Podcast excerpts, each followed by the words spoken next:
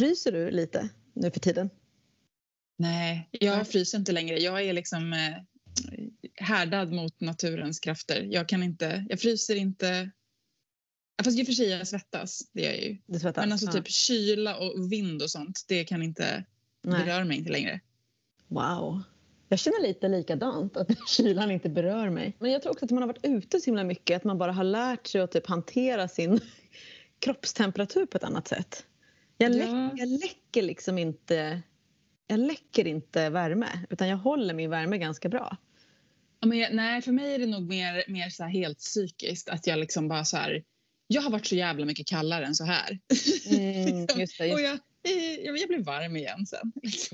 Alltså jag frågade ju lite för att jag kände i morse när jag var ute och släppte ut alla djuren att eh, eh, det var lite mini-mini-frost. Och då kände jag Mm. lite paniken att jävlar, nu måste jag skörda Mm. innan frosten kommer. För då är det kört liksom. Tänk alltså vad skört det är att man har odlat och bara frö, frö, frö, vatten, ta hand om, bort med sniglar, allt den här skiten. Och så, så bara kommer frosten och man är helt oförberedd så dör de.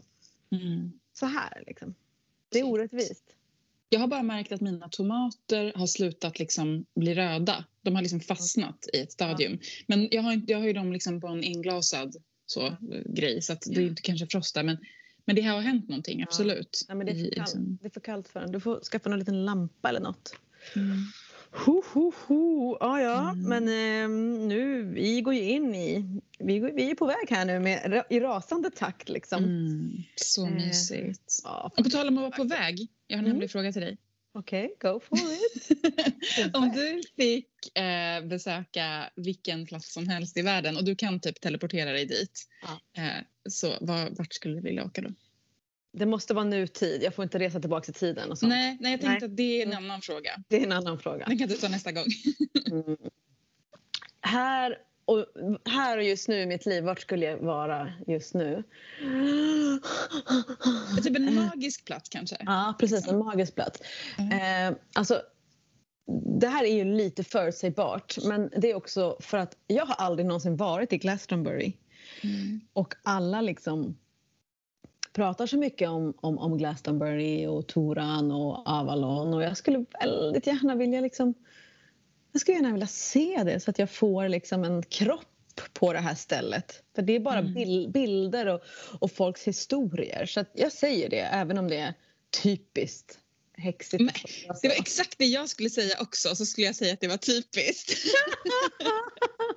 Jag har ju varit där en miljon gånger. Ja. Men, men jag, när jag satt och tänkte på den här frågan själv så bara, ah, det finns jättemånga platser. Men alltså, det finns ingen annan plats som jag som mitt hjärta ropar efter så mycket. Liksom. Och nu var det också så länge sedan jag var där för liksom, covid och allt möjligt. Så nu är jag verkligen... Ja, och det är, någonting, men det är någonting med den här årstiden också. Att här, se framför sig och gå på de där böljande kullarna och in i de där magiska små tunnlarna i skogen. Liksom. Det är en perfekt årstid för det. Bara, Men alltså nu fick jag en idé, kanske om ett år eller någonting sånt där när pandemin har slutat och kanske din hund är lite lugnare eventuellt. Då kanske vi kan sända Glastonbury. ja, det vore Förstår. fantastiskt. Det vore ju helt fantastiskt alltså. Vi kanske till och med gör en liten live-vandring. Ja. ja. Alltså, jag hoppas. Det känns så svårt att planera så. Det är, liksom, det är ju Ja. mer den här teleporteringstanken liksom, Ja. för mig just nu. Men eh, we put it out there. Ja, vi put it out there och så ser vi när det händer. Men det är i alla fall en bra idé oavsett när det blir. Mm. Men en sak som är bra med Glastonbury, eller då Avalon som ju den Mm. magiska delen av Glastonbury heter, Mm. är ju att man kan även resa dit, inte fysiskt. Nej, det är sant. Så Det det, kan man faktiskt göra. Man, alla som lyssnar nu kan ju faktiskt Mm. sätta sig och blunda och Mm. försöka resa. Det kanske ska vara en, eh, en av våra ceremonier till våra crones på Patreon. En Gud vilken bra till, idé! en liten resa till Avalon. Ja, det vill jag göra. Ja, det gör vi. Det får bli Direkt när vi nästa. spelat in det vill jag Ja. göra den. Då gör vi den. Ja. ja. Så följ med Okej. dit om ni vill. Ja, ja, jag följer med dit. Ehm, så här va. Dagens avsnitt har vi ju eh, haft arbetsnamnet Änglar och demoner. Eller kanske snarare himmel och jord. Mm. Och det är ju ett, ett liksom ett avsnitt som vi vill, liksom, vi vill ödmjukt diskutera eh, new age, häxkonst, häxkraft. Vi vill liksom ödmjukt försöka närma oss liksom problematiken kring ljuset och att inte våga närma sig mörkret. Men också vill vi ju lite grann närma oss de stora likheterna som faktiskt finns och varför vi själva som jobbar inom häxkraft och häxkonst vill göra ett, en markering mot att vi inte är new age. Så idag så ger vi, vi ger alltså er änglar och demoner men inte the Dan Brown version.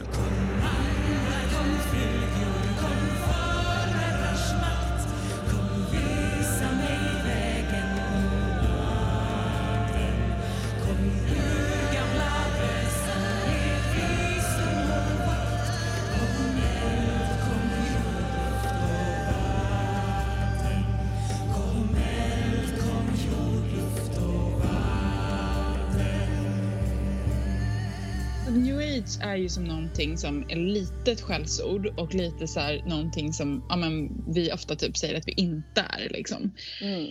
Och samtidigt så känns det som att när man verkligen tittar på så här, vad gör vi, och med vi så menar jag liksom så här, hela vårt community, ni som mm. lyssnar kanske också. Mm. Och vad gör de, då inom citationstecken, som kanske vi definierar som new age, så finns det en så stor överlappning av saker. Liksom. Um, och jag, ty- jag tänker verkligen att det är intressant att fundera lite så här, vad är det, varför är vi liksom negativa till vissa saker? Vad är det vi tycker är problematiskt? Och mm. är det liksom kanske inte också så att vi gör en del av de sakerna? Behöver fundera lite på det. Ja, men om man tänker på de likheterna som finns då med eh, det, den kaven som vi är i och det som då definieras som new age. Om man, om man läser om new age eh, så finns det ju saker som typ så här, reinkarnation är ju någonting som skulle kunna vara en, en gemensam nämnare. Sättet att jobba med läkning, att det finns eh, ett alternativt sätt att se på läkning. Det är mer än bara medicin. Det kan finnas healing, ceremonier, det kan finnas kristaller, det kan finnas eh, eh ljudhealing, bildterapi. Det kan finnas eh, liksom att man uppfattar universum som liksom en enda organism där liksom hela jorden, hela universum är en oskiljbart förenad. Liksom. Det påverkar varandra. Vad vi gör påverkar Moder Jord och Moder Jord. Alltså vi är liksom i symbios. Eh, och sen så finns det också saker som så här, att vi ska vara på samma jord och vi ska samskapa. Vi ska liksom, you know, inte hata, vi ska, vi ska älska och vi ska liksom... Eh, vi är liksom i grund och botten lika. Allas blod är rött. Eh, och så är det ju liksom så här någon slags vilja till vänskap med alla individer. Människa, djur, planta, eh, frö, allting liksom. Och sen typ såna andra saker som också kanske så här, jag vet inte vad man ska kalla det, men typ personlig utveckling är ju också en viktig del inom häxkraft och som är lite liknande i new age. Alltså meditation, ceremoni, rebirthing, healing, yoga. Att man liksom kan kan använda sig av det för att ta sig någon annanstans och för att läka sig själv. Liksom. Mm. Alltså det, det är otroligt många likheter som du räknar ja, upp. Liksom. Och eller hur? Det är väl också grejen är väl i, i, allt, i alla de här rörelserna att det finns ju inte heller så här, nu kanske de som lyssnar och även du och jag kanske inte håller på med allt det här. Liksom, utan Nej. Man kanske bara, nej men den där grejen, jag vet inte, reinkarnation typ eller så här.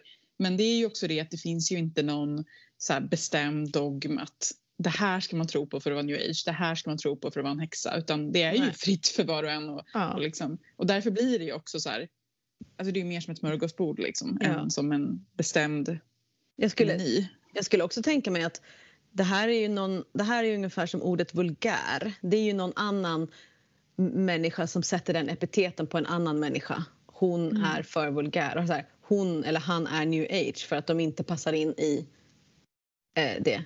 Kanske mm. då kristna eller andra religiösa samfundet eller det kapitalistiska samhället på något sätt. Eller hur? Att det är så här, det kan ju vara liksom Ja, det är lite liksom den som gör uppror mot upplysningsfilosofin. Den som så här, ja. det, det, är på något vis det här att vara lite flummig. Liksom. Ja.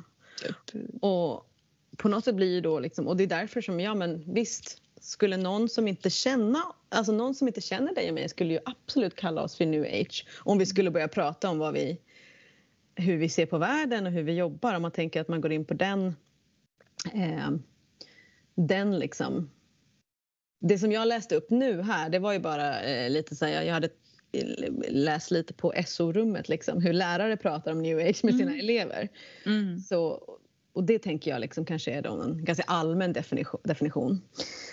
Eh, Men det är ändå intressant liksom att, att så här, ja, folk som är typ då kanske liksom mer är barn av typ upplysningsfilosofin, de tycker så här, allt det här är flummigt. Det du och Mm. jag håller på med är precis lika flummigt som mm, det som du och jag skulle kalla new age. Men menar, om du och jag nu är flummiga, vad mm. är det då vi har problem med, Ja. med new age? Liksom? Exakt. vi, vi exakt. tycker kanske new age är flummigt. Liksom. Ja. Fast så här, vad, vad är Men det vad- liksom? Va, men, eh, vad, vad har du problem då med, med new age? Vi har, vi har kanske samma problem eller olika problem. Alltså ett, ett, en grej med new age som jag tycker är väldigt jobbig det är det här att, liksom, att det blir så himla löst i kanterna. Att liksom, alltså så här, alla, är, alla, alla, alla är kärlek, alla är ljus, alla älskar alla.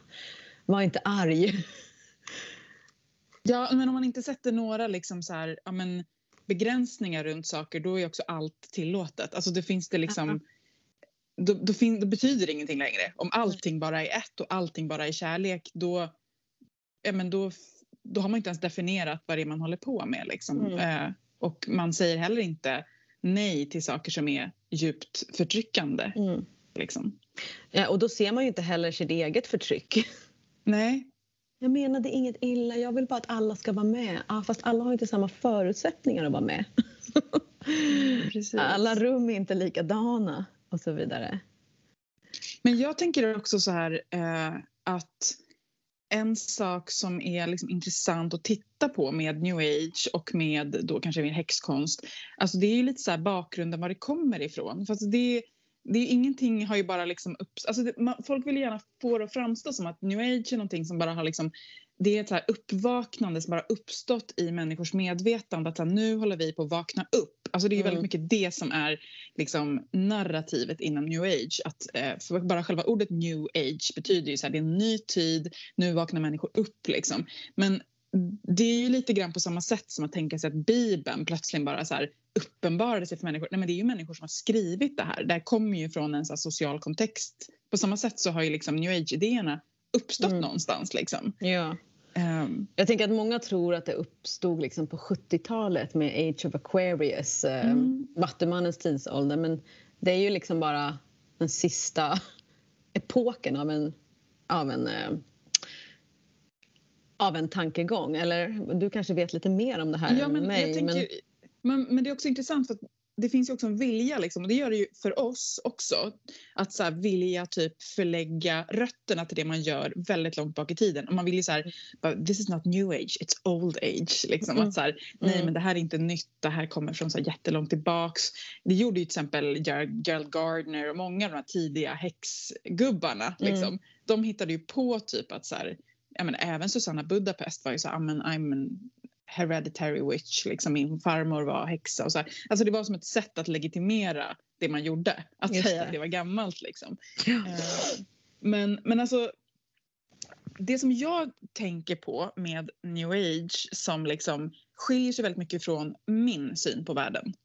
Det är ju liksom den här idén om ljus och mörker, om kropp och själ och om jag menar att det liksom en strävan bort från någonting som anses lägre, tyngre, mörkare. Är du med, känner du igen den här retoriken? Alltså jag, lågvibrerande och högvibrerande. Just det, det Mm. är sådana ord. Och ju uppstigande pratar man ju Mm, om. mm, Man pratar om att vara en ljusarbetare. mm. Alltså det, det finns en väldigt sån liksom, att mänskligheten ska vakna upp, mänskligheten ska vibrera upp.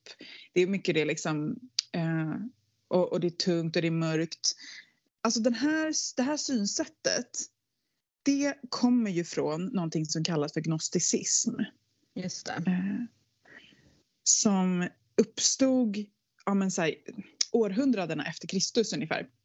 Liksom som en liten variant av kristendomen som aldrig fick, alltså den kunde ju ha blivit den officiella kristendomen men det blev den inte. De ansågs liksom som avfällingar typ.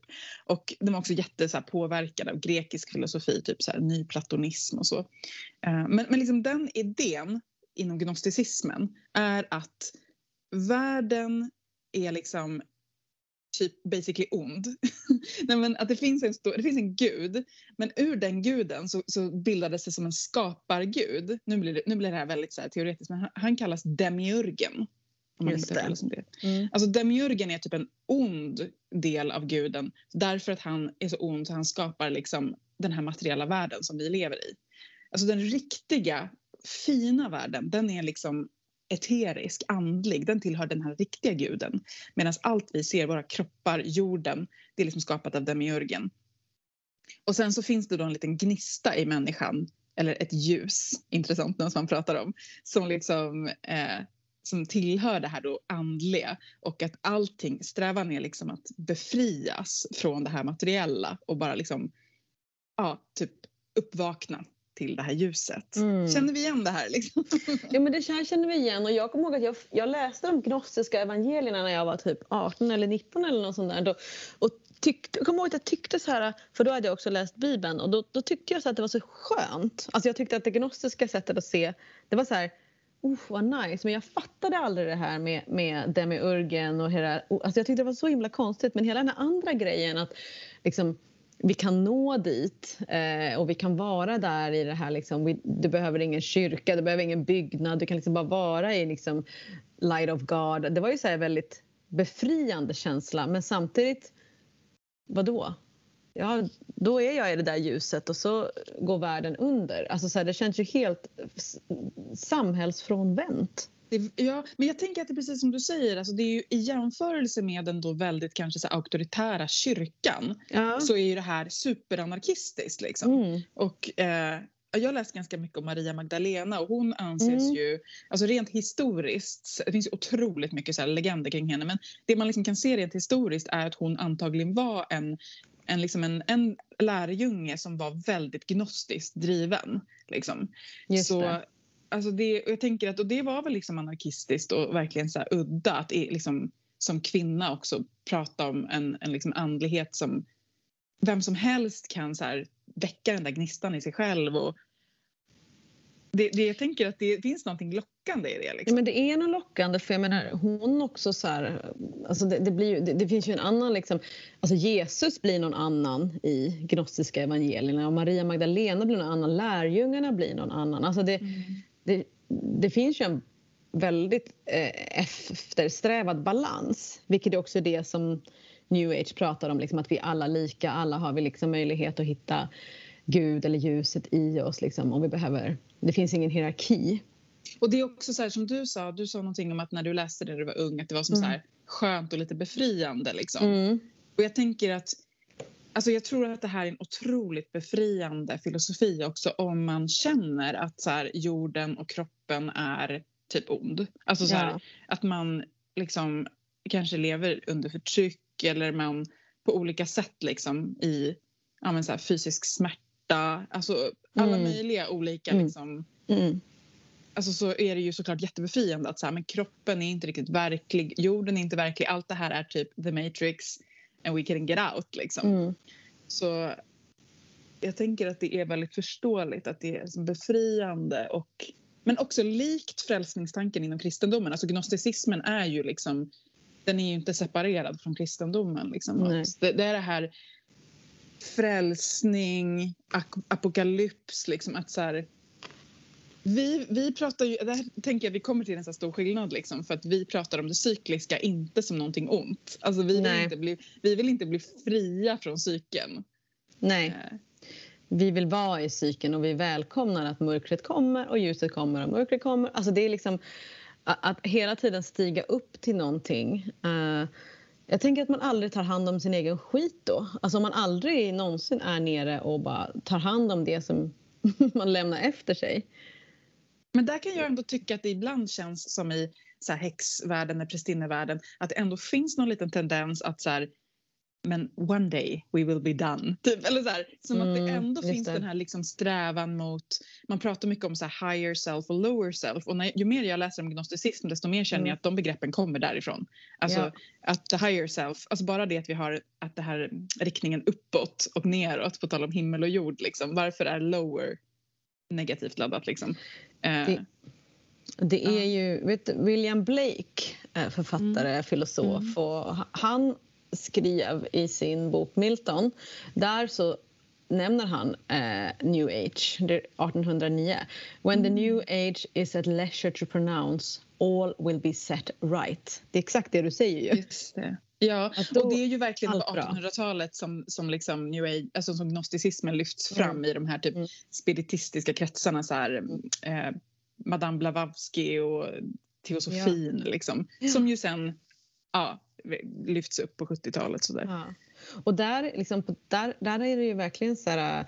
Eh, Blavatsky, Bailey, att de på något sätt... så- Alltså, det är ju allt. Liksom. Buddhism, kinesisk medicin, hinduism, eh, ayurveda, yoga, eh, kelticism, astrologi, kabbala. Alltså det, det är ju...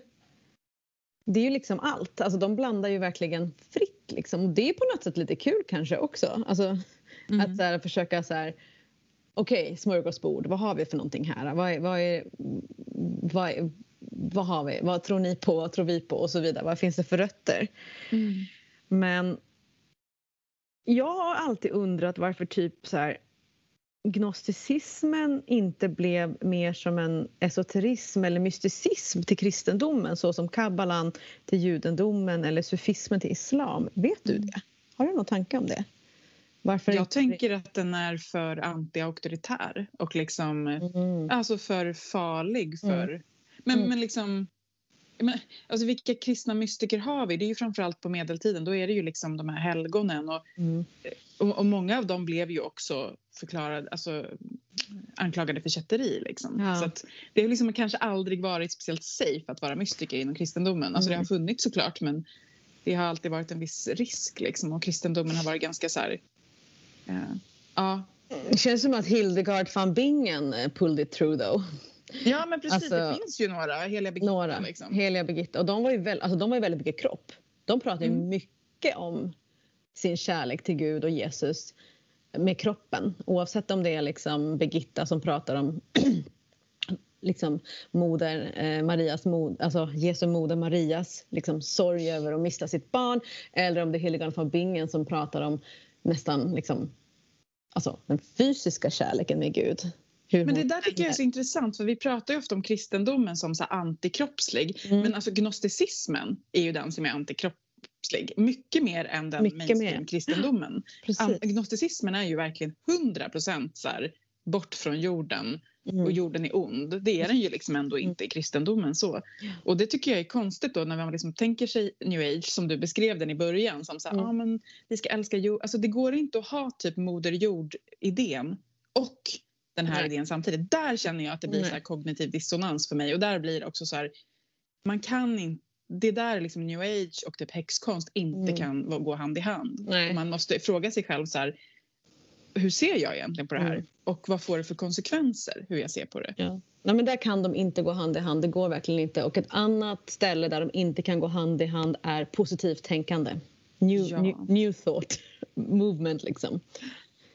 Det, det, det går ju liksom inte. Förklara, förklara vad, vad det är. Det låter ju så himla positivt med positivt tänkande. Ja, positivt tänkande. Alltså, eh, positivt tänkande det, är också, det växer också fram under 1800-talet och liksom, eh, starkt under 1900-talet genom self-help och självhjälpsböcker och så här, typ populärpsykologi. Alltså så här, många böcker trycktes på ämnet om hur man liksom genom att ändra sin attityd och ändra sin, sina affirmationer kunde påverka eh, sig själv och sitt liv. Liksom. Och ju mer positivt du tänker, ju mer positivt får du tillbaks. Och fine på något sätt, visst. Du, du, eh, det är någon slags motivationspsykologi, eh, transpersonell psykologi. Och i, inom magi kan vi ju ibland prata om att, så här, eh, att det du jobbar med magi, det får du liksom tillbaka. Så gör du liksom magi som skadar kommer du få tillbaks. Och det, menar, den tanken är väl på något sätt att jag kan vara med på det. Att liksom att fastnar man i ett visst sätt att tänka så är det lätt att livet bara blir så. Så det, det tycker jag är en så här, ja men jag, jag håller med fram tills dess liksom att det är viktigt att försöka hitta nya perspektiv och vända och vrida på begreppen och se eh, hur man kanske kan ta sig igenom om man, om man ändrar eh, viss attityd till saker. Men man kan ju inte, kan inte bara bli bajsad på och ändå säga ja, nej. alltså, han kommer ändra sig eller jag har fått det här på grund av att det här har hänt mig. Eller liksom så här, eh, jag ser det här som en prövning. Eh, jag bara ber och så kommer jag vidare. Alltså så här, för mig blir det liksom law of attraction. Det blir lite bypassing emellanåt. För att ja, om... alltså att, att, saker händer som faktiskt vi inte har kontroll över. Ja. Alltså det, jag tänker att det blir också jätteilla när man, när man liksom projicera det på andra. Att så här, mm. någon är liksom utsatt för våld och förtryck och det är så här, då har man då attraherat det liksom. Eller, alltså man måste också se att så här, vi är ju i en materiell värld som är mm. verklig. Mm. Jag tänker inte att den är skapad av en ond demiurg. Liksom, utan världen är verklig och den har också agens och mm. jag, kan, jag har inte makt över allting. Liksom. Saker, shit happens liksom. Nej, Nej men, men, men det finns ju ändå någon så här, om jag ställer mig i, i spegeln och ser eh, bara det dåliga. Mm. Alltså jag ser eh, mina bröst ser ut så, min mage är så och det här har hänt och la la la och jag liksom speglar mig tillbaks och tar in det som jag ser, det negativa vilket inte är så konstigt i ett samhälle där vi matas med bilder på hur vi ska vara, hur vi ska se ut. Så där då, om jag skulle bryta den liksom, attityden till min kropp och istället som min kompis mamma gjorde, hon fembarns mamma ända tills hon dog, varje dag så satte hon på sig rött, så fort hon gick ut genom huset satte hon på sig lite rött läppstift och så kollade hon sig i spegeln. Så la hon ner händerna på bordet och sa hon det blir inte bättre än så här och det är jävligt bra.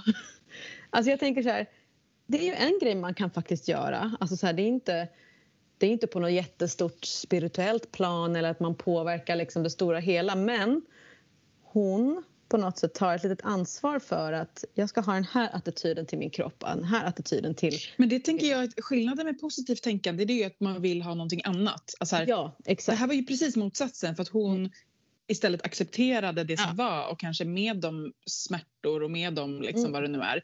Men att istället så här bara, jag är vacker och perfekt och fantastisk. Jag är vacker och fantastisk. Alltså, mm. Då kanske man också inte liksom verkligen så här, bara, men gud, det finns en massa självhat i mig liksom och mm. shit, hur, kan jag, hur kan jag ta hand om de här känslorna? Mm. Alltså istället för att ignorera mm. de känslorna. Mm. Alltså, och då blir det, liksom, det blir som en bomb eller en dynamit som exploderar till slut. Jag tänker att man hela tiden måste eh, eh, liksom, hela tiden måste ha det här mörkret. Alltså det är ju mm. liksom utgångspunkten i hur du och jag tänker och många häxor. Liksom att så här, ja, nej, men nu händer det här. Nu måste jag, jag måste liksom, om man tänker att det är en vi tar en metafor att det är att man går in ner i en grotta, stiger ner i djupet som min Anna gjorde eller liksom gör som en, en eh, födselritual, att det är mörkt och sen så kommer ljuset. Man, det, det går inte att skippa födseln.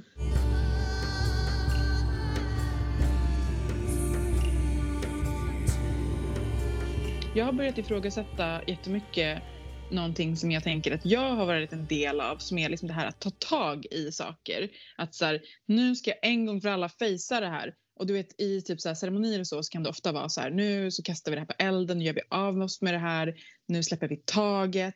Och jag mer och mer liksom, undrar om inte det också är en så här ljus, eh, strävan efter ljuset. Alltså så här, att man, är det klart att man så intuitivt vill bli av med all skit. Liksom. Mm rent som man tittar på typ trauma. Liksom. Det funkar mm. inte så. Det funkar inte så att man kastar sina trauman på elden och sen är man av med dem. Utan Nej. de kommer finnas i vår kropp hela mm. livet. Liksom. Mm. Hur lever man med det? Mm. Hur, hur mm.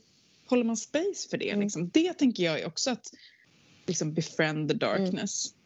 Ja men absolut. Jag, menar, jag, jag jobbar ju väldigt mycket med snippsauna och ceremoni och jobbar med eh, framför, framförallt liksom kvinnor och personer som har kvinnliga fortplantningsorgan. Så det är fitta och livmoder. Och de har varit med om mycket saker. Alltså, de har det oavsett om det är liksom the worst possible thing that can happen eller om det är liksom en tampong som fastnat eller någonting, alltså när de var unga. Och, och det som jag ofta pratar om är så här, ja, du har varit med om det här traumat när du var ung och du rent liksom, ja, du har kommit över det. Alltså du kan prata om det, mentalt är du här eh, och liksom du har på något sätt kommit vidare från det här intense trauma men din kropp reagerar. Så fort du har sex när du inte är tillräckligt våt, när du inte är trygg, när du inte känner att personen som du är med eh, har förmåga att vara intim, när den personen liksom faktiskt inte är helt ärlig med dig då kommer du få ont efter du har haft sex. Det kommer klia i fittan. Det kommer kanske kännas som att du inte ens kan ta emot någonting i, i dig, liksom fingrar eller penis eller någonting annat. And that's fucking real. Om man då i det här läget då positive thinking. Ah, nej, men jag har kommit förbi det här ah, och det här, eh, det här är bara en... Det är bara jag som låser mig. Jag är fortfarande rädd. Så bara, yeah, you are fucking really afraid. Och du ska inte ha du, nu ska du liksom lyssna på din kropp och du ska inte ha penetrerande omslutande sex med den här personen just nu för att du kan inte. För du kommer bara lida. Du kan tänka positivt tänkande i hundra år. It doesn't fucking work. Alltså hon har pratat, kroppen har liksom pratat med dig och sagt att det här funkar inte. Um, och där tycker jag det är så super, super farligt med att bara prata om det och gå vidare och meditera och affirmera. Man bara, men hallå, vi har ju ett, fysi alltså vi har ett fysiskt hinder som sker här och hur ska vi jobba med det? Och det enda som jag tycker funkar är exakt det som du säger Eldin att det är där. Jag har varit med om det. Och jag ska inte komma förbi det utan jag ska liksom få in det här i min kropp inkorporerat och se till att det aldrig glöms, att jag kanske ska hjälpa andra, att eh, jag ska inte vara tyst om det här eller vad fan det nu är för någonting. Det måste inkorporeras i livet. Men jag, och jag tänker verkligen särskilt det här med fysisk sjukdom eller alltså smärta, fysiska symptom. Det är så fruktansvärt stigmatiserat upplever jag inom då det som jag kallar new age som ibland då verkligen sipprar över i liksom prästinne och häxvärlden. Alltså där det kan kännas som att så här, men om du typ har tillgång till all magi, varför typ helar du inte bara dig själv?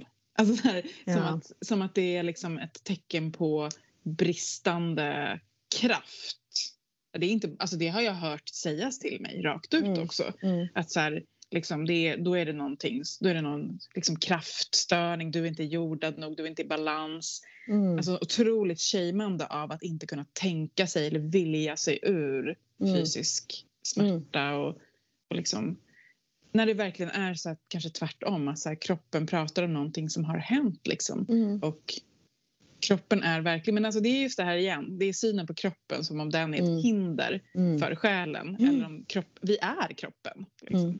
Ja, och kroppen är ju essentiell i, häx, i häxkraft på något sätt. Alltså det, det är ju alltså kroppen och Moder Jord. vi, vi, där, där, om new age pratar om att alla är lika och att vi liksom all är en organisk kreativ helhet eh, så är det ju som att nej men det är inte riktigt det för att kroppen är inte riktigt 100 med. Liksom. Mm. Det är inte det. Det är affirmationer, visualiseringar, eh, meditationsmetoder eh, men, inte riktigt det där hela kroppen, det fula med kroppen. Alltså, mm, läckande bröstmjölk, blod, svullna penisar, Nej, hemorrojder. Liksom. Ja, det, är, det är, och det är, klart att det, ska, det är klart att man vill mm. ta hand och försöka mm. läka saker men det är ju också en del av den mänskliga Eh, existensen. Mm. Liksom. Vi kommer också ja. dö en dag. Mm. Liksom. Ja. Det är så här, kroppen är i något förfall. Liksom. Mm. Det är något vi måste lära oss vara med. Liksom. Men jag tänker också på det här med, med liksom strävan bort från kroppen och jorden som tar sig uttryck i att liksom en retorik som ofta handlar om väsen som är i rymden eller himlen. Just alltså så här, det. Ja men de är ju viktiga ja. Typ, nej, men liksom änglar och uppstigande mm. och, och även typ utomjordingar. Och jag, när jag googlade lite på det här så hittade jag så här, typ några citat som jag tyckte var så intressanta. Alltså på så, sidor som liksom är då som new age kanske. Mm. Då står det till exempel så här i frontlinjen och förstadiet så är det stjärnfrön och inkarnerade änglar från andra planeter, galaxer, dimensioner och änglasfärer. Det finns ljusarbetare som också har varit i mörker, jordens mörker. De har blivit prövade, lockade av mörkret men sen valt att gå den rätta vägen. Just det. Alltså, det handlar verkligen om en mm. dualism mm. mellan jordens mörker som till och med mm. det ordet används och att ja. vara stjärnfrön, inkarnerade änglar, och det är liksom från planeter och galaxer. Alltså det är så här, Men det här låter exakt som det här eh, meddelandet jag fick igår på Facebook. Bara så här, du vet, meddelandeförfrågningar. Så bara, Mm. Hej, jag heter Jonathan. Jag är en pånyttfödd kristen man som lever för Jesus Kristus. Får jag berätta om honom, hur det är att leva för honom, hur man blir frälst, för dig genom Facebook? Känner du till den antikristliga konspirationen som pågår i världen för att skapa en ny luciferiansk och totalitär världsordning med en världsregering? Det är det som står profilerat om i Bibeln. Det antikristliga nätverket som arbetar för det satanistiska målet är väldigt mäktigt och jag försöker varna så många som möjligt för dem och deras onda planer. Nätverket består av satanister som styr världen och de styr bland annat musikindustrin. Bla, bla, bla, bla, bla, bla. mm, digital dörrknackning. Ja, digital dörrknackning. Jag fick också ett brev från mina grannar här uppe på vägen. De är så oroliga för mig. De är Jehovas. Liksom. De vill så gärna att jag ska komma in i paradiset. Men alltså det är intressant för att jag tänker att det här är ju någonting som typ alla inom typ new age-världen skulle motsätta sig. Men att där, där Mm. så är ju Mm. retoriken så lik. Liksom. Alltså när man pratar om så här ljusarbetare och stjärnfrön och änglar och jordens mörker så då måste man verkligen fråga sig så här, på vilket sätt är det här annorlunda mot typ Mm. en ganska extrem kristendom som typ Ja. Jehovas liksom kanske. Ja. Nej, men det, det, det, det är, jag tycker exakt som du säger, den här upplysningen finns ju kvar i new age. Alltså det är en kristen, kristen känsla new age. Jag tycker inte att den är speciellt liksom... Eh, jag tycker inte att det har gjorts så otroligt mycket arbete feministiskt inom new age.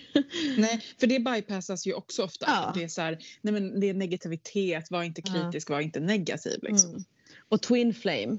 Alltså det, det finns en person som är för dig och en person... Alltså ni ska mötas och när ni möts då är det liksom ni Mm. som är den flamma som, eh, som ska vara. Liksom. Och då spelar det ingen roll vad den här personen har gjort innan. Because you're twin flame. Och, Och kan man- dessutom så betyder det ju att man är, kan aldrig vara hel, bara i sig själv. Nej, nej, man kan aldrig vara bara i sig själv. Man behöver liksom twin flame. Och det, det här är något begrepp som kommer ifrån... Eh, eh, det, det är liksom att hitta... Alltså det är så här, någon västerländsk person som har tagit det från native american-begreppet och sen så eh, liksom skapat begreppet mirror soul. Jag vet inte riktigt vem... Alltså det, det tror inte jag riktigt är helt så här, vart det kommer ifrån. Men däremot kan ha, det har ju använts lite som inom, inom kvadushka. Det har använts liksom... Ja, att det är väldigt viktigt att hitta sin mirror soul. Och då spelar det ingen roll att den här mirror soulen har typ legat med 14-åringar liksom innan. Man bara hold his side. Alltså. Mm. Lite som eh, kulturmannen. Liksom. Mm. Att man bara håller hans eh, back. Liksom. Det finns ju också med i new age liksom, att den här kärleken till en annan person ska komma på det sättet. Liksom. Mm. Sen är det inte alla som är i new age som, som... Och det får vi också säga bara som en slags disclaimer att liksom, new age är ju verkligen olika för eh, alla som är i den eh, världen. Precis som att vi nu, du och jag, inte definierar oss som new age utan som häxkraft eller prästinnor. Men eh, att även inom det, när vi nu säger new age, så finns det nyanser. Ja, och också Mm. som jag i alla fall har försökt säga känner jag hittills i det avsnittet att även inom väldigt häxiga sammanhang Ja. så plötsligt så säger folk twin flame eller så plötsligt säger Ja. folk liksom eh, ditt högre jag Mm. och sådär. Så att jag tänker att det är egentligen inte så. Jag, om jag ska liksom kritisera och problematisera så är det liksom lika mycket eh, så här, stjärnstopp tillbaka spegel på, på den världen jag själv är i. också, Ja. Liksom. Och att, eh, jag tänker bara att jag önskar att liksom, mm, vi allihopa mer börjar fundera på så här, de här sakerna Mm. som vi bara lite slentrianmässigt Mm. slänger oss med. Vad menar vi egentligen med det och liksom, vad får det för Ja. konsekvenser om man Mm. har det synsättet? Liksom? Mm. Alltså en twin, jag ska bara också innan jag lämnar Twin Flame så det handlar ju också om att det här mötet inte bara är liksom ett fysiskt kärleksmöte, det handlar ju om att ens själ växer. Mm. Så att det är inte bara så här, åh vilken snygg person jag ska vara med utan det är liksom Mm. din själ växer. Ett, det, och det är ju väldigt viktigt inom new age att själen utvecklas genom meditation eller healing eller arbete. Mm. Ja, men det är den personliga utvecklingen som... Alltså den... Åh, jag tycker det är så himla... Det är så otroligt lockande och också så problematiskt. Och någonting som Mm. jag själv har jätte så här, kluven relation till. Som jag liksom ägnar mig åt supermycket och samtidigt är jättekritisk till. För att det, Mm. liksom någon, det är klart att vi ska utvecklas. Det är klart att vi ska så här, liksom hela tiden så här, vidga våra vyer och liksom så här, ja, men också typ skuggjaga oss själva och fundera på vad håller jag egentligen på med. Samtidigt mm. som det är otroligt utmattande att aldrig få vara nog. Att aldrig få så här, eh, att alltid behöva utveckla sig själv. Yeah. Alltså det är också någon slags strävan. Alltså så här, mm. Bli bättre och bättre, hela mm. sig själv, hela sig mm. själv, alltid hela mig själv. Liksom. Yeah. Eh, som, som jag tänker att man får vara lite så här, ja, men man får vara lite försiktig med att bli så helt eh, fanatisk med att ständigt utveckla sig själv. Ja, jag tror inte riktigt att man behöver det om jag ska vara ärlig. Mm. jag tänker att man också kan lita lite på att, att, så här, att man kanske befinner sig lite mer i skov. Alltså nu händer det här och så händer någonting ganska intensivt och så kan man välja att göra, gå den vägen eller den andra vägen. Men sen kanske när man har gjort det så kanske det också kommer en stund där man bara får vara. Så man liksom inte bara alltid ska bli bättre version av sig själv och bli en mer upplyst version av sig själv. Man kan också få vara den här ja, liksom lite sunkiga, då enligt en själv, versionen av en själv. Det är liksom helt okej. Okay. Mm. Eh, för att det blir ju nästan så här, då kommer man ju in på det här som eh, släntrar in till... Eh, alltså om vi omger oss med perfekta människor som bara gör perfekta saker, som bara har perfekta kroppar, som bara har de perfekta orden, som har liksom de perfekta bostäderna, kläder. Alltså så här, då blir vi helt trötta. Alltså vi blir helt trötta och tror att vi behöver någonting som vi kanske faktiskt inte heller behöver. Liksom.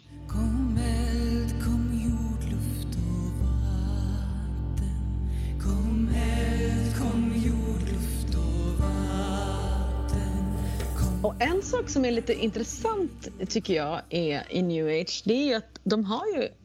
Det finns ju liksom faktiskt en del företag som, som jobbar eh, new age-aktigt och det finns ganska många sådana märken ute. Att man liksom tänker att, att, då, att new age-tanken om företag och eh, ekonomi är att liksom mänskliga värden och djurens värde, jordens eh, rättigheter sätts före expansion och ekonomisk vinst.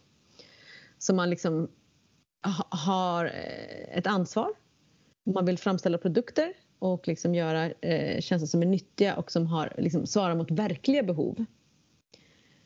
Och som så här, förnybara energikällor och att råvarorna ska återanvändas. Man undviker miljöfarliga ohälsosamma bitar. Men hur är de, hur är de new age?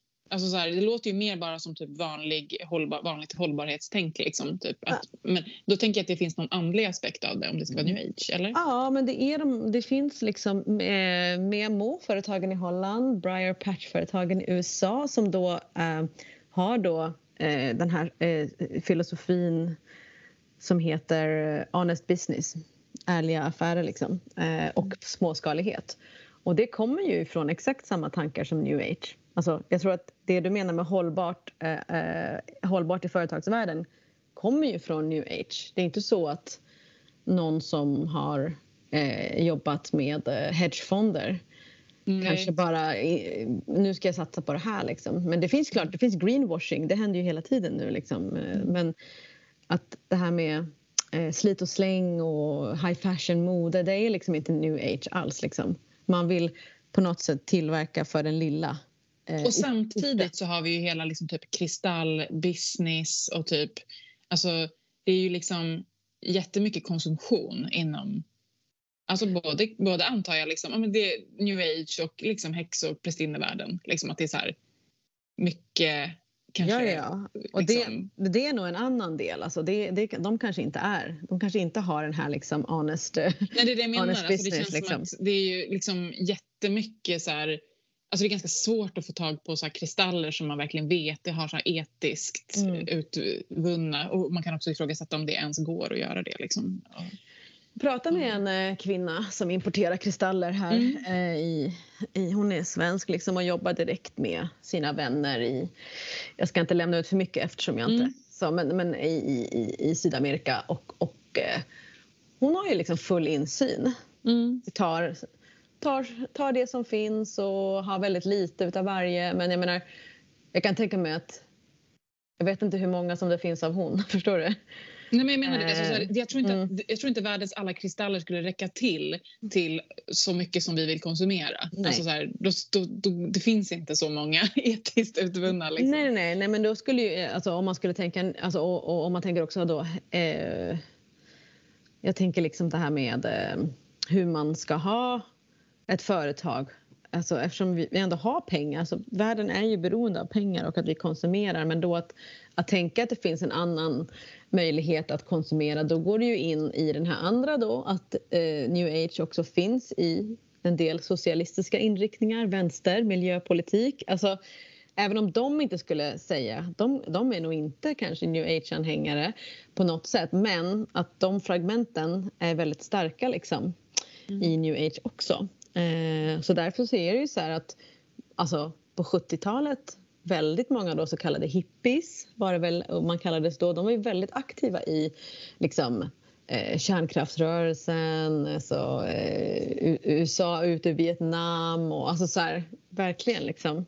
Men så tycker Mm. inte att jag att det känns idag i New Age. Nej. Jag tycker den känns väldigt alls. världsfrånvänd Ja. som vi pratade om. Ja, jag tror inte alls att det men, men alltså där, därifrån så det har liksom varit så. Och jag tänker också Mm. att det som du pratar med Susanna Budapest och hela reclaiming-rörelsen kom ju också från en, en lite mer starkare feministisk eh, eh, bakgrund, vilja att liksom jobba med de här reclaiming och gudinnerörelsen. Mm. Och jag vet inte heller om det är kvar. Alltså, i den Nej, det är det jag menar. Att jag tänker Mm. att det känns som att det har liksom den eh, väldigt så politiska, feministiska liksom, häxkonsten. Mm. Alltså det är väl det jag menar. Jag vet inte ens om jag skulle kategori kategorisera det som new age. För det som jag tänker är new age idag, det är mer så här 5D och liksom Ja, men det här att världen är ändå typ inte verklig och att den apokalypsen som typ håller på Mm. att ske ja, så liksom på något vis är bara så här en del av ett uppvaknande och att det är Mm. lite grann så här låta jorden gå under för att den är ändå Mm. som Mm. en illusion. Liksom. Ja. När världen inte är verklig, Ja. då liksom Mm. behöver man inte heller ta hand om den utan Mm. man bara låter liksom man pratar mycket om att här, liksom, låta saker ha sin naturliga gång, låt virusen spridas, låt liksom, Mm. eh, illusionerna rämna. Mm. Ehm, och därmed så blir det liksom en, ibland ett bristande engagemang. Liksom. Det blir dels ett bristande engagemang men det blir också att, att de blir fundamentala mot fundamentalismen. Mm. Det var ett citat som jag hörde Stephen Jenkins eh, säga på en podcast. Jag tycker det där är så intressant för det blir verkligen det att så här, Jo, men jag håller på att stiga upp till eh, den högre dimensionen och eh, du behöver inte lyssna på henne för hon är kvar i den lägre vibrationen. Så pay no attention to her. Kom med mig istället och vi ska åka dit var de nu ska åka någonstans. Jag menar, vi hade ju det här Qanon-avsnittet väldigt tidigt. Det var ju avsnitt fyra eller någonting i Förmiddags makt där vi pratade om det här. Och det var ju innan eh, Trump hade förlorat valet. Eh, ni som inte har hört Stormningen av Kapitolium. Precis, så ni som inte har hört det avsnittet får gå tillbaka och lyssna på det. Men då pratade vi om de här människorna som var liksom att Trump var en ljusarbetare och de var liksom inne i hur han skulle frälsa världen och sen då när han då inte blir vald, nej då bara ändrar de sitt narrativ och bara "Åh, men stunden var inte inne nu. Eh, vi, kommer, vi kommer samla oss igen och så kommer vi snart stiga upp. Det fanns mer arbete att göra på jorden. Man bara, eh. Men alltså vet du en sak, det vet du säkert såklart, men alla som lyssnar kanske inte vet det. Men alltså en, typ anledningen till att Trump inte kunde acceptera sin valförlust Mhm. var att han är en fundamentalistisk anhängare av eh, law of attraction och positivt tänkande. Alltså Mm. han, det här finns liksom belagt i liksom folk som har typ studerat Trump Mm. och vad han liksom har skrivit, han är så influerad av. Han liksom, hans idé var ju, bygger ju på att liksom eh, typ tänk det, vill, vill det och så kommer det hända. Och han hade liksom bestämt sig för, typ magiskt, att jag ska vinna valet. Så att han liksom, det, hela stormningen av Kapitolium och, och liksom grundade sig i att han helt enkelt bara, nej men nej, om jag, om jag inte accepterar det, då kommer det också ändras. Typ så. Och jag bara tänker att jag har vunnit. Så, Wow. ja. Far out, far out. Nej, men Ja. alltså, det är ju liksom så här... På något sätt, du och jag bryr oss väl egentligen inte om vad någon tror på eh, så länge det liksom inte är eh, skadligt. Och här är det, grejen var att vi tycker ju att new age har en tendens att bli väldigt skadligt. Mm. eh, och då är det precis som att vi har ingenting emot eh, någon religion såklart, eh, islam, judendom, you name it, hinduism, buddhism, eh, kristendom. Men precis som new age, när det, blir, när, det, när det blir så här fundamentalt då blir det ju läskigt. Och man kan inte tänka att new age inte kan bli det för det är new age. Utan det blir exakt likadant. Gud ja, alltså jag skulle som sagt, i, dels i och med att new age har så otroligt nära till kristendomen genom liksom, eh, men, olika sådana 1800-tals uh, new thought, gnosticism så är det ju så att, jag menar, liksom titta på en sån ändå kristet driven person som Trump som är jätteinfluerad av de här mm. idéerna. Hela liksom den här Qanon är ju liksom, hänger ihop med det. Så liksom efter upplysningen så kristendomen har inte liksom det, så jättestor makt alltid. Liksom, det är kanske inte den stora liksom, um, så stora liksom, auktoriteten att kämpa emot. Alltså, ibland så är det liksom faktiskt de här idéerna som, som makthavare mm. Mm. utgår ifrån. Liksom. Mm. Ja men det är precis, det är väldigt lätt att följa med eh, i en new age-rörelse. Liksom. Att det, det ändå finns en ganska tydlig hierarki. Men det som är intressant det här med att new age inte är en religion utan snarare liksom ett samlingsbegrepp av flera olika inriktningar. Det på något sätt tycker jag ändå är en styrka. Alltså att det finns liksom, det, det är mm, astrologi, ekofilosofi, alternativmedicin, magi, healing. Eh, jag bara nämner några olika saker. Asatro, alltså hinduism, eh, mysti alltså mysticismen, i hinduismen, Jung, reinkarnation, shamanism, translucent meditation, synkronism. Alltså, den har ju väldigt ganska intressanta eh, vad ska vi säga, eh, plattformar, inriktningar och alla de här på något sätt är ju alltså det är någon slags motsats till de här monoitiska religionerna. Alltså jag kan ändå så här, jag kan tycka att det finns något så väldigt mänskligt i typ new age. Det som jag beskrev i början, det här med att alla människor är lika värda och att jorden är lika värd och att man eh, faktiskt kan påverka ehm, eh, beslut man tar i vardagen och så vidare. Alltså, så här, man kan, alltså, om någon skulle vara så här ah, vad ska du välja? Ska du välja det här eller det här? Så jag är ju mer dragen till new age och det var ju någonting som på något sätt när jag var ung och testade att läsa alla religiösa böcker som fanns för att hitta liksom min plats.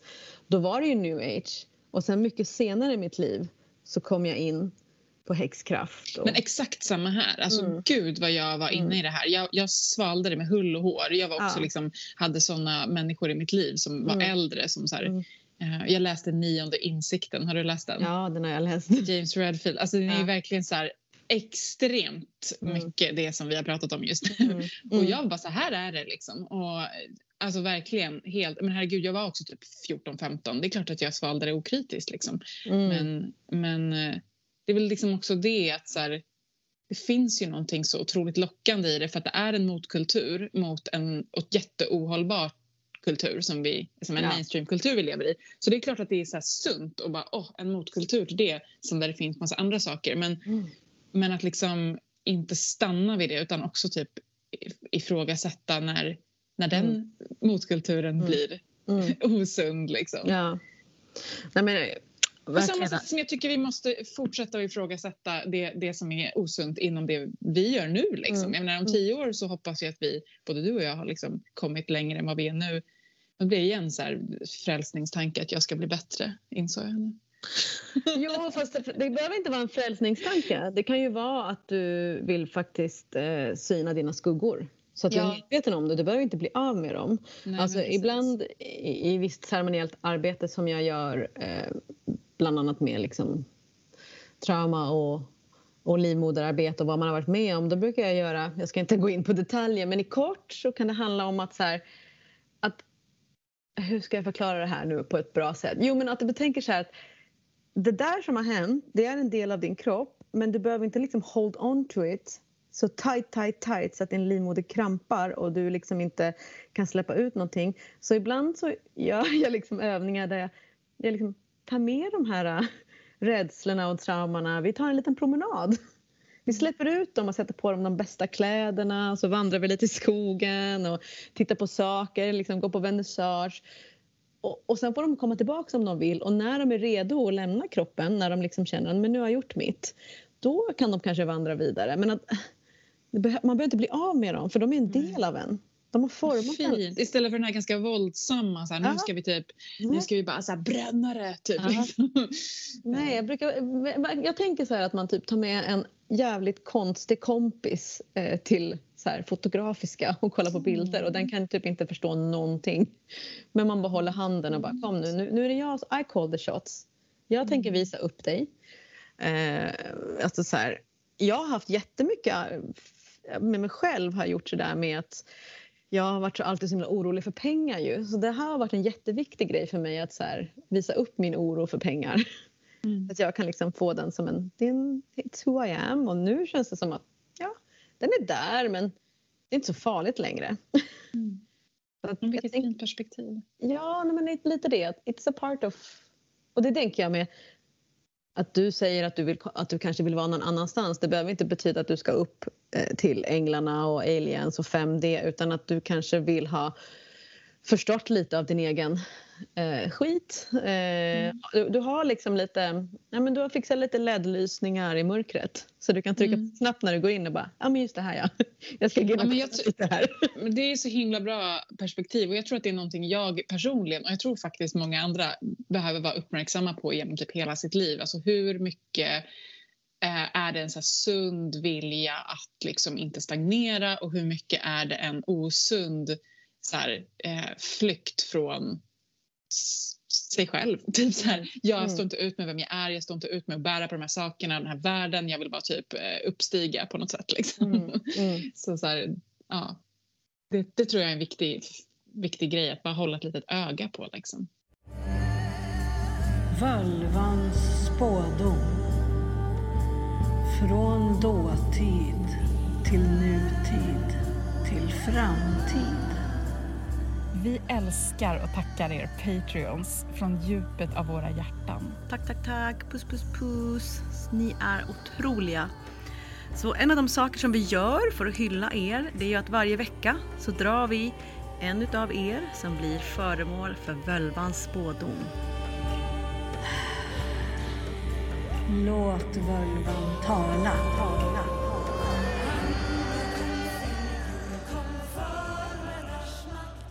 Malin Vidén, den här spådomen är till dig. Och den som har kommit till mig när jag har suttit med ditt namn är ingen mindre än himlens drottning, Ishtar. Hon är så mäktig, tycker jag. Jag tycker hon kanske är den typ mäktigaste gudinnan som kan komma. Hon är ju krigets och kärlekens gudinna. Två aspekter som kan tyckas väldigt så här motsatta. Men det vet vi ju alla vid det här laget att det, den dualismen, den finns inte i naturen utan det livsgivande och det livtagande behövs lika mycket och finns lika mycket i, liksom, kan finnas samtidigt. De är inte motsatta. Och det är liksom det som Ishtar omfattar. Den kanske mest kända eh, myten där Ishtar figurerar är i Gilgamesh-eposet, ett forntida urgammalt verk, där hon blir arg på honom och släpper lös himmelstjuren på honom, vilket resulterar i Gilgamesh bästa vän, eh, att han dör. Och det här är ju liksom en väldigt destruktiv handling. Det är ju liksom en, en del av Ishtars mer krigiska eller destruktiva sida.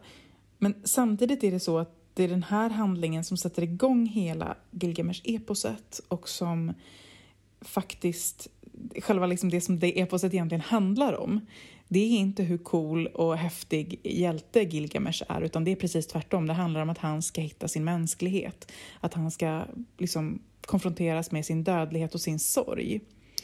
Så att man kan se liksom Ishtar som en slags initiationsgudinna i den här myten egentligen. Så den här, liksom igen, den här att, att destruktivitet är dåligt och liksom det är kanske en dualism som inte riktigt hör hemma här.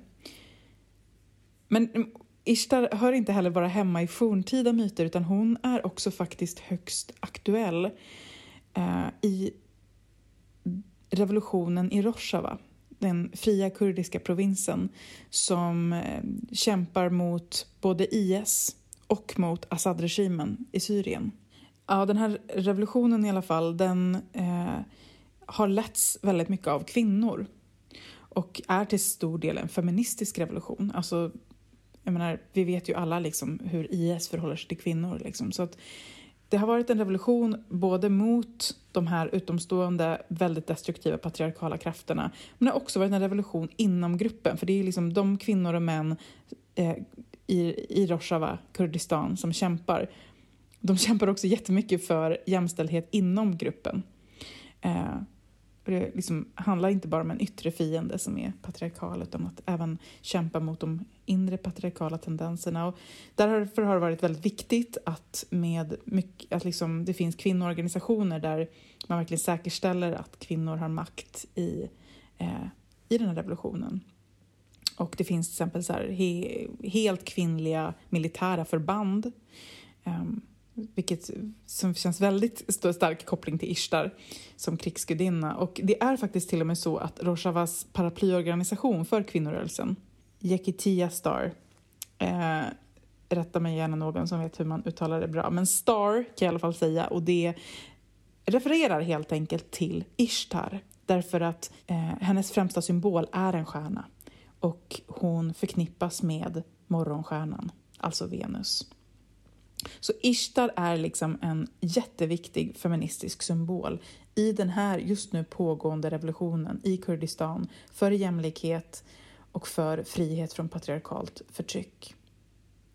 Så Malin, jag vet inte vad du tar med dig av allt det här. Eh, jag ser liksom framför mig bara någon som brinner av otroligt mycket kraft och motstånd och eh, gränser och att i roten av allt det här finns en så otroligt massa kärlek.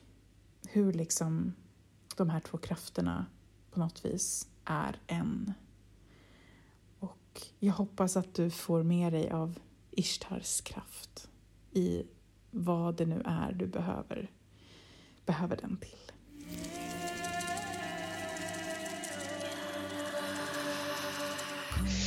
Ja, änglar och demoner.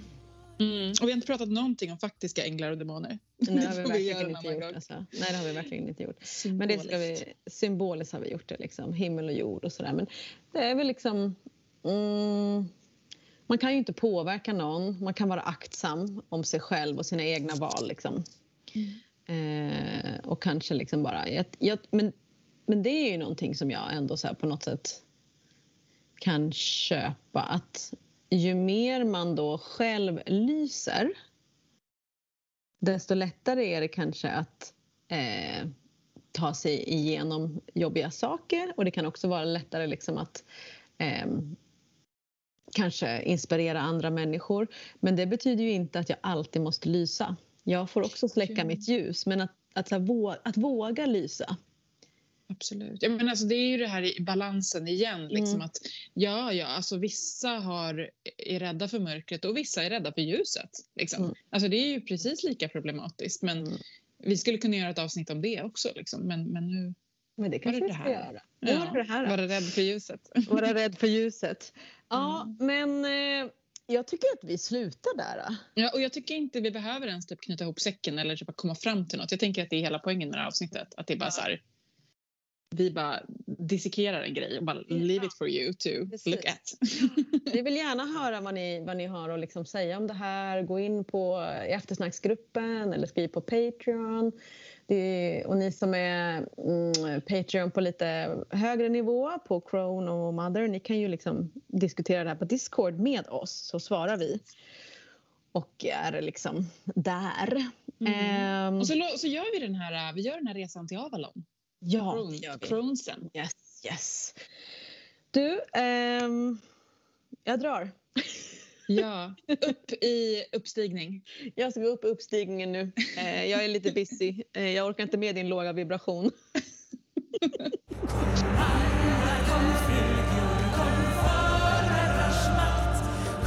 Vill du stödja vår podcast ytterligare så kan du Betygsätta podcasten.